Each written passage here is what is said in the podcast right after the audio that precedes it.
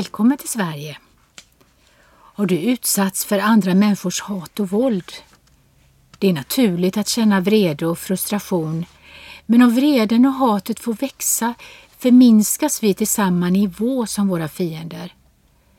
När någon slår oss reagerar vi automatiskt och vi slår tillbaka. Det är grunden för alla krig. Om någon sårar oss vill vi ge tillbaka på samma sätt. Ända sedan syndafallet är hämnden människans stora olycka. Att hämnas gör något illa med oss människor. Det påverkar både kropp och själ. Det gör oss sjuka. Förlåtelsens väg kan ibland vara en mycket lång och svår väg att gå. Vi kanske aldrig kommer till den punkt då den som har gjort oss illa ber oss om förlåtelse, men när vi har kommit så långt att vi i hjärtat kan förlåta våra fiender blir sinnet befriat. Först då kan vi gå vidare i livet. I Bibeln står det om Josef och hans bröder. Deras konflikt höll på att sluta i en tragedi, men något hände som vände på allt. Jag heter Lena. Stanna kvar så ska jag berätta.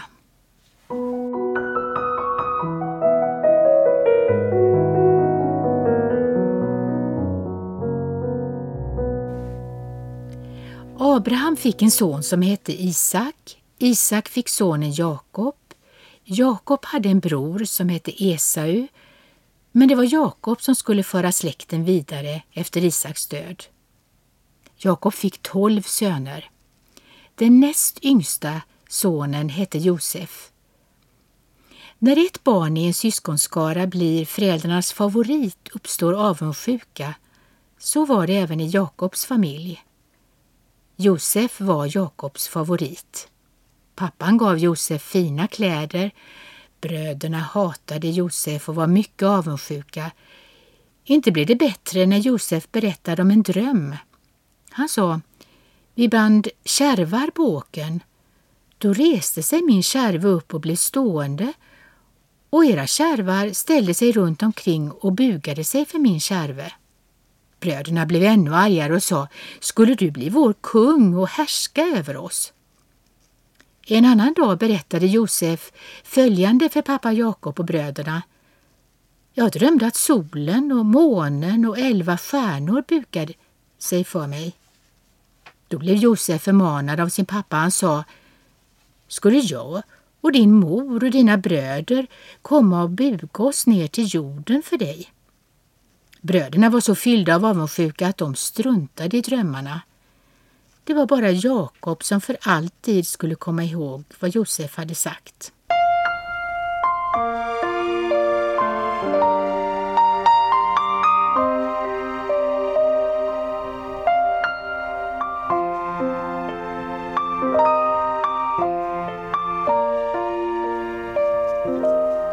En dag när bröderna vaktade fåren såg de Josef komma gående. De ville döda Josef. Men en av bröderna ville rädda honom för att han skulle komma tillbaka till pappan. Därför sa han att Josef istället skulle slängas i en brunn. De slet av Josef kläderna och kastade honom i brunnen. Om man har varit med om att någon har tagit allt man har kan man förstå hur det var för Josef. Vilken förnedring! Vet du vad som hände sedan? En kamelkaravan kom förbi. Det var handelsmän på väg mot Egypten. Då tyckte Juda, en av bröderna, att de skulle sälja Josef till handelsmännen. Juda hade också börjat tvivla på om det verkligen var rätt att döda sin egen bror. Så därför såldes Josef till handelsmännen. De doppade Josefs kläder i blod från ett djur. Sedan skickades kläderna hem till pappan. Bröderna lurade till och med sin egen pappa att tro att Josef hade blivit uppäten av ett djur. Att förlora sitt eget barn är det värsta en förälder kan råka ut för. Du förstår säkert Jakobs förtvivlan.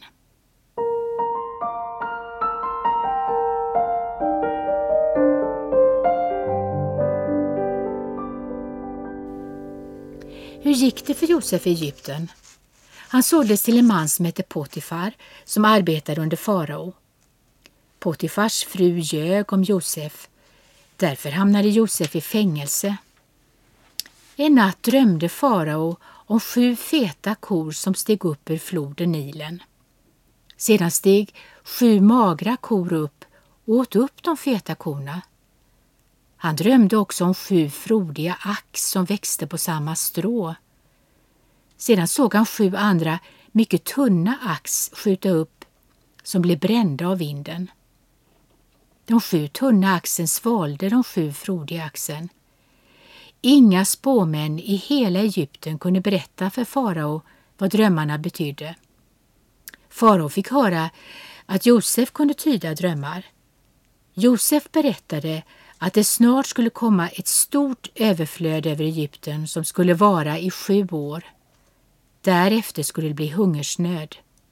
Det hade Gud bestämt och så blev det också. Farao gav Josef en mycket fin position eftersom Gud hade uppenbarat allt detta för honom. De sju feta åren kom och ladorna fylldes av säd. Därefter kom hungersnöden som varade i sju år. Även Kanans land där Jakob bodde drabbades av hungersnöd. Jakob fick höra talas om att det fanns säd att köpa i Egypten. Han skickade iväg sina söner för att hämta säd. Men yngsta sonen Benjamin fick inte följa med. Jakob var rädd att även förlora honom.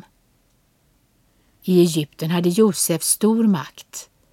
När bröderna kom fram bugade de sig för Josef. De kände inte igen honom, men Josef kände igen sina bröder. Josef höll det hemligt och anklagade dem för att vara spejare. Josef tänkte på drömmarna som han tidigare hade berättat för sina bröder. Josef frågade ut dem om deras familj. De sa att en bror var död och att den yngste brodern Benjamin var hemma hos deras pappa. Han sa åt dem att om de ville behålla sina liv måste de fara hem och hämta Benjamin. De blev rädda. De sa till varandra att de bar på en skuld och kände ångest för vad de tidigare hade gjort mot Josef. De var säkra på att detta var straffet. De visste inte att Josef förstod vad de sa. Att bära på en skuld är något djupare än att känna skam. Man vet att man har gjort något fel och bör straffas för det.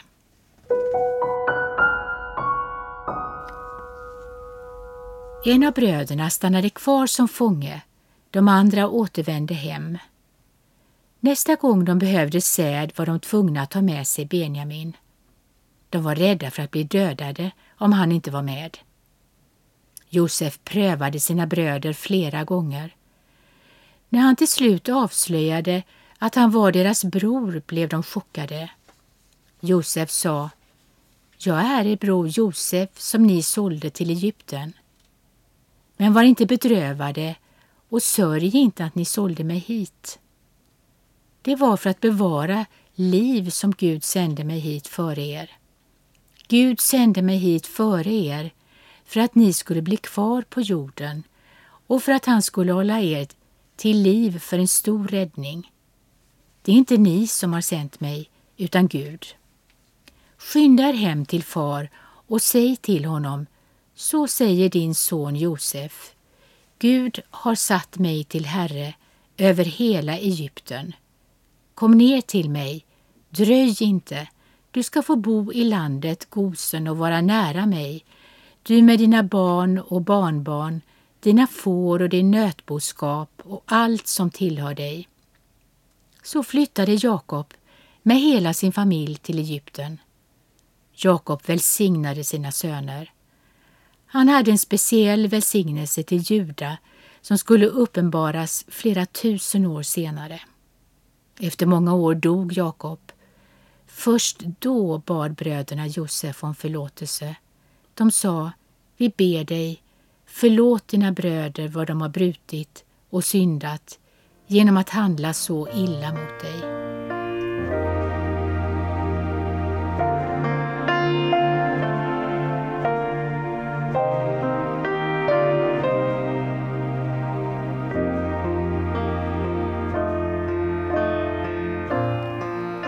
Josef hade för länge sedan förlåtit sina bröder men det tog flera år innan Josefs bröder erkände sitt svek mot Josef och bad om förlåtelse.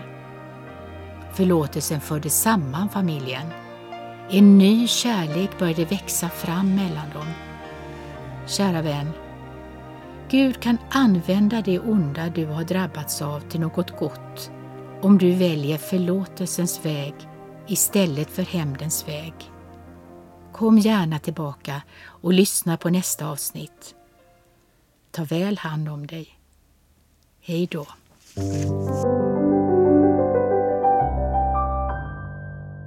Programmet är producerat av Norea Sverige. E-post vts noreasverige.se